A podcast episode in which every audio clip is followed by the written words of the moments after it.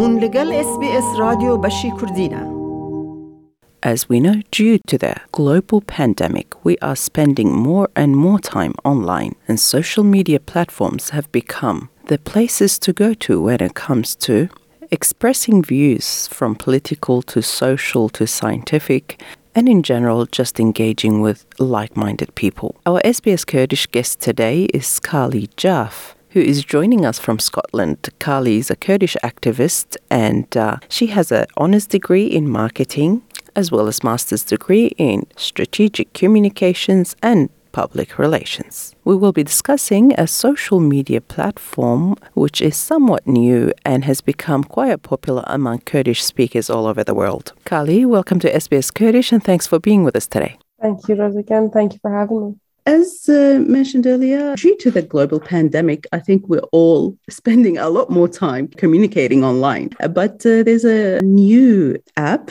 or uh, platform now, which is Clubhouse. Somehow has become popular among the youth, I could say. Uh, mostly, you could correct me there, and uh, especially in Kurdistan as well. Could you tell us about how different this platform is and uh, what are your experiences as a user?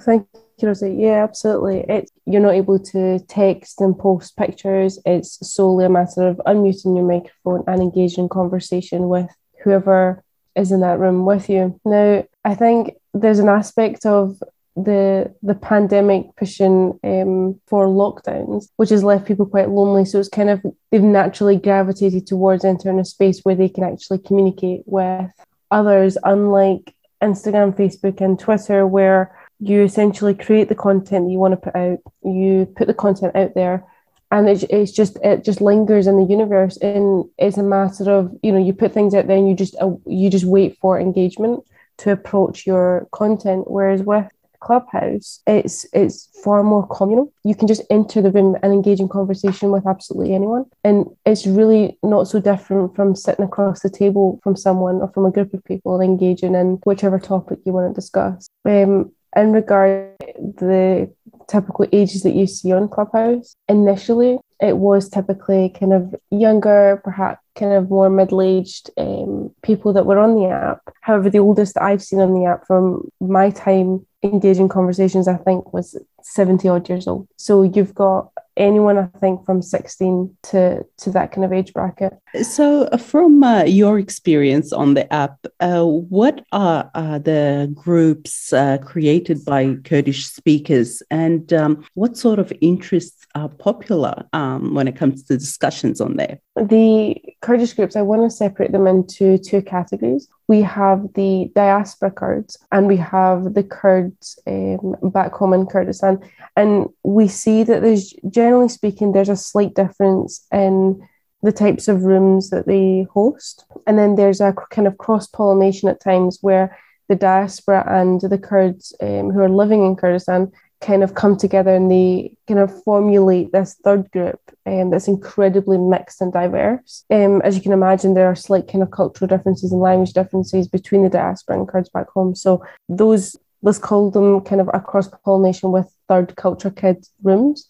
They are the, the by far the most interesting rooms to to engage in. So in terms of the diaspora first, a lot of the groups that they do hold is very political they are kind of very activist led. Um, they engage in conversations from from geopolitics to religion to politics on the ground, foreign policy, and everything in between, in a bid to kind of raise awareness for the struggles that the Kurdistan is going through at the moment. And then on the other end of the spectrum, we have the Kurds who are currently living in Kurdistan. And a lot of the rooms that they host are either incredibly religious, political, or they tend to talk about um, history. So they're like the, the three main themes that we see from Kurds back home. And I have to say, like, those rooms are incredibly more tense. If you're looking for a hard, gritty discussion, with very strong-minded people, then it's the the Kurdish rooms that you want to go in that are from that are hosted by people from Kurdistan that are currently living in Kurdistan. And whereas the diaspora rooms are,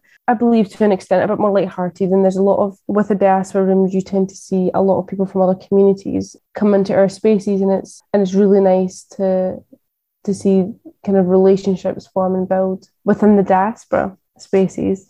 So I think generally speaking, the for someone like myself who has grew up in a country where I didn't know Kurds until maybe like five years ago, um, even earlier than that. There's, you know, there's always a, you gravitated towards these things because there's a sense of community there.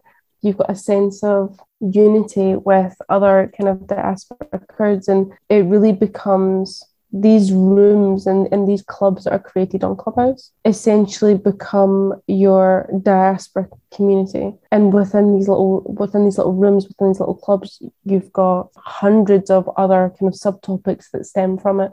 So yeah, there's uh, really interesting rooms. And and just on that note, I'll really quickly say that oh, I mean it's, it's been a while, but before I led a clubhouse room called Dating in the Diaspora, now, we didn't use it as a dating platform, but it was a room that I done on a weekly basis where we and it was it was mostly women that that joined the the room as well for the discussions where every week we choose a different topic and we would discuss stigma and taboo in our culture specifically around dating within the diaspora.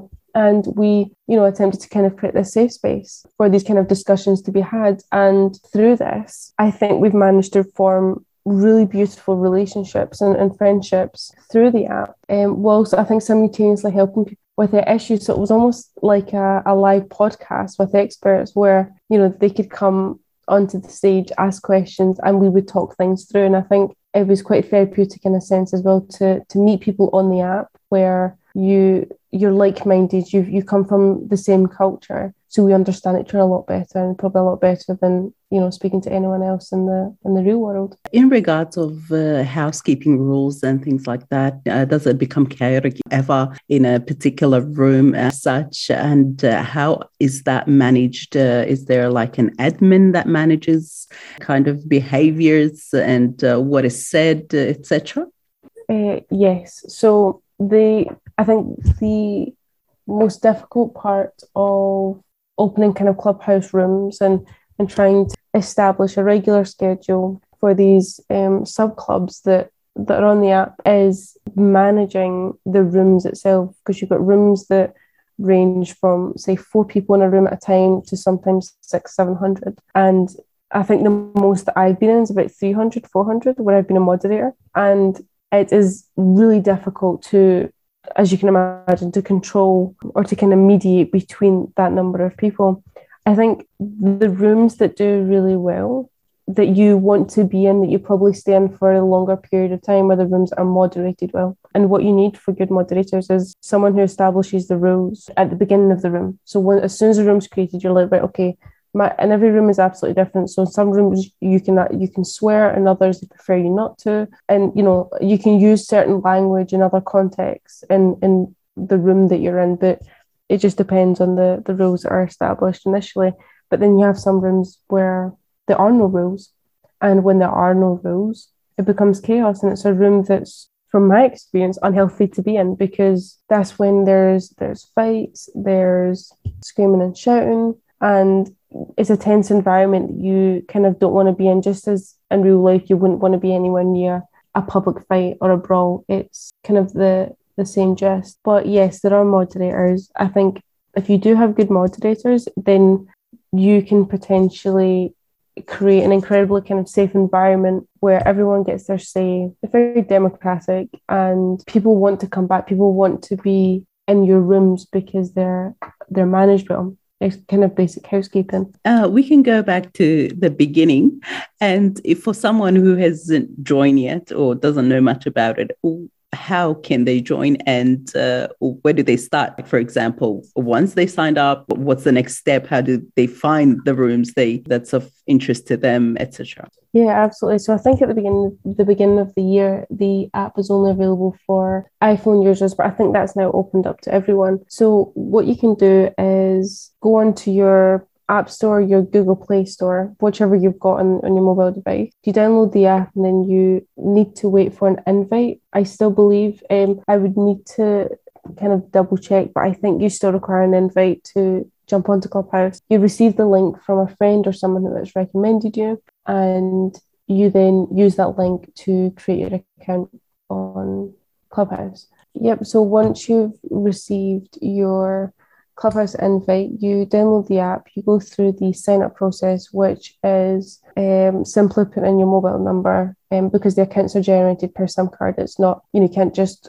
create your username and multiple email accounts and have multiple clubhouse accounts. So it's it's from your sim. And then when you go through the process it asks what your interests are. And there's a variety of interests that that you can choose from. So reading out a few that are on the app you can click interests that are solely social based. So it's like meet people, late night discussions, welcome newbies. You can select your interest in tech. So whether that's Bitcoin, marketing, startup, engineering, anything from in terms of wellness, entertainment places. You can look at yoga, meditation, You've got rooms that are solely designed to provide you advice, where it's a Q&A with an expert that they introduce every week and you can engage in conversations with them. So you have, I think in the app, there's probably about 80 separate interests that you can select to formulate the, the, the homepage where the rooms will be for you. And I think over time, once you start following a few people that you know, if you're, you know, really interested in the Kurdish community, then there's a few prime people that you'll see quite often on Clubhouse with a large following from the Kurdish community, whether that be in the diaspora or Kurds in Kurdistan at the moment, um, that you can follow, and through them, you'll it'll open the doors to other Kurdish rooms that you can attend. So I think the first thing I would do if I was new to the app and the environment that it's in now, select all the interests that I'm interested in, follow a lot of Kurds, and through them you'll have access to a bunch of other rooms and to join the the Kurdish clubs that, that you can be a member of.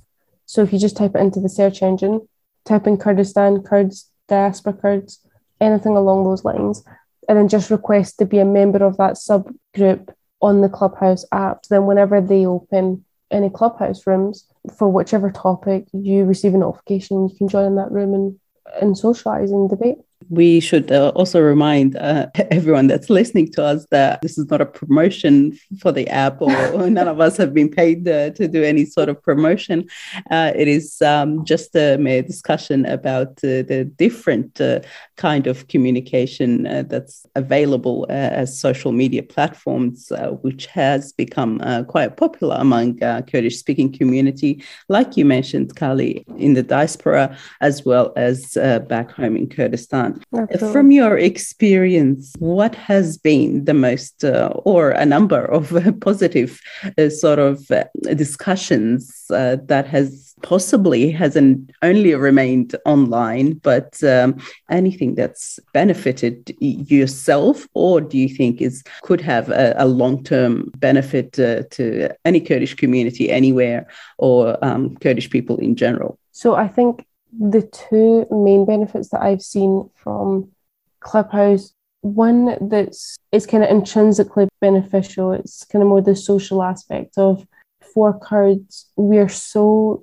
divided as a nation when it comes to you know particular hot topics around our nation or geographically that we kind of particularly for the diaspora we kind of long for a centralized community of like-minded people that you know practice the same culture perhaps the same religion but not always you know that's not always necessary. And you know it's a place you can call home and sometimes the place that you can call home is is online. And that's as close as we're going to get to to having that that utopia that's the kind of sense of that strong community sense. So i think for me the personally i've made so many friends on the app and we've managed to build a strong enough relationship in a shorter period of time than what we would have if it was on Instagram, Facebook, or Twitter because you're using colloquial language. It's very calm, you know, you can hear the sarcasm, the tone, you can hear people actually laugh instead of just sending an emoji. So it's it has a different atmosphere to it completely. Um, and like I said, you you feel as if you're sitting in the room with them having this conversation.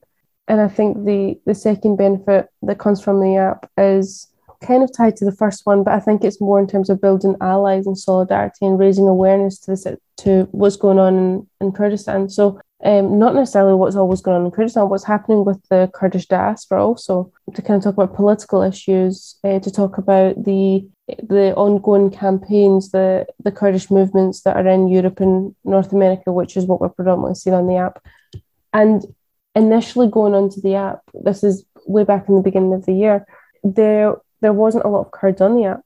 So, you know, I was getting into rooms and I was engaging conversation with people from all over the world. And I was talking to them about Kurdistan.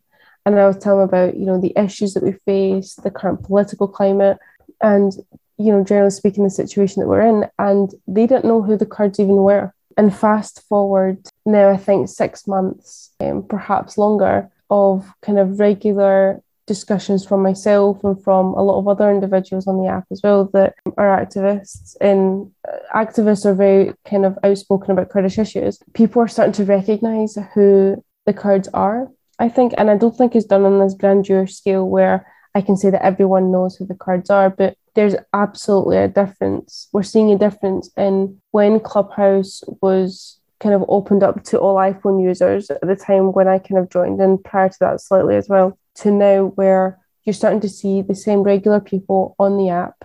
You start to recognize people as if it's, you know, your neighbors within your community and they know who the Kurds are. So I think that the in terms of raising awareness, Clubhouse is absolutely brilliant for any form of advocacy or activist work. You can jump into a room with 2,000 people in it and say what you need to say about the Kurds, and it's out there. So, yeah, I think absolutely socially, in terms of the intrinsic benefits and in terms of the extrinsic benefits for the, the community itself, you can you can do a lot of relationship building, a lot of um, community building on the app that I don't think um, we give enough credit for, but it has been done. You just need to look at what the app was like at the beginning of the year and where it's at now in terms of the Kurdish community, and you've seen exponential growth in Kurdish people on the app. The discussions that are being had are serious topics for the most part you know topics that need to be discussed within our communities in order to better our society and in terms of the you know the number of americans canadians germans you know british people from the british population that that recognize who the kurds are because of the app because of the one-to-one discussions that they've been able to have with people like myself that are very outspoken about the issues that are going on instead of perhaps just looking at a, a twitter tweet and not quite understanding you know what's going on but they also can't ask you directly because it's not really the right atmosphere the right environment for discussion. So they're the two main ones for me.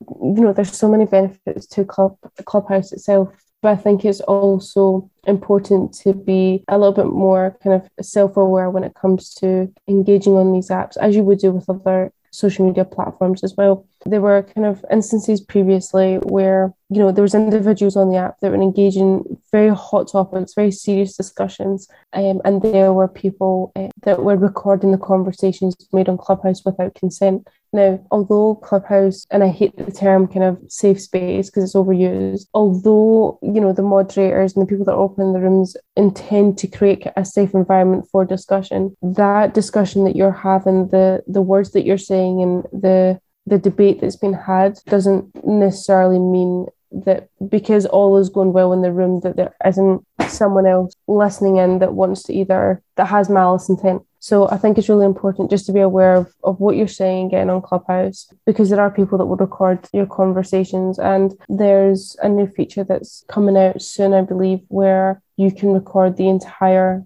Clubhouse room through the app, um, which is I think a bit of a concern for some people because there's a lack of again a lack of agency when it comes to just engaging conversation pretending essentially that it's somewhat real life you have your privacy and um, there's no such thing on the app. So where moderators try their best to keep it a safe environment in that moment in time, I think is very, very important to be careful of what you say, particularly for Kurdish activists and any Kurds that are discussing issues around politics, particular militant groups in the Middle East or political groups. Just you need to keep that in the back of your mind that you don't know who's listening into that conversation that you're having. And on Clubhouse as well, please don't share too uh, too too many of your own personal details. It's not the environment for that. But yeah, other than that, as long as you're safe on the app and you take all these things into consideration, you're careful with you know the discussions that you're engaging in, the words that you're saying, the the room that you're in, you'll generally be fine. It's it's a great app, but just you have to be you need to have some level of self awareness when you're using the app. Well, Kali Jaff, we thank you so much for your time and for explaining this new uh, social platform uh, to us, which is Clubhouse. And we wish you all the very best. Thank you so much for having me, Rosa. I've really enjoyed being here and kind of sharing my experiences with you. لایک بکە پارەوە بکە تێبنییا خە بنفسینە SسBS کوردی لەسەر فیسبووک بشۆبینە.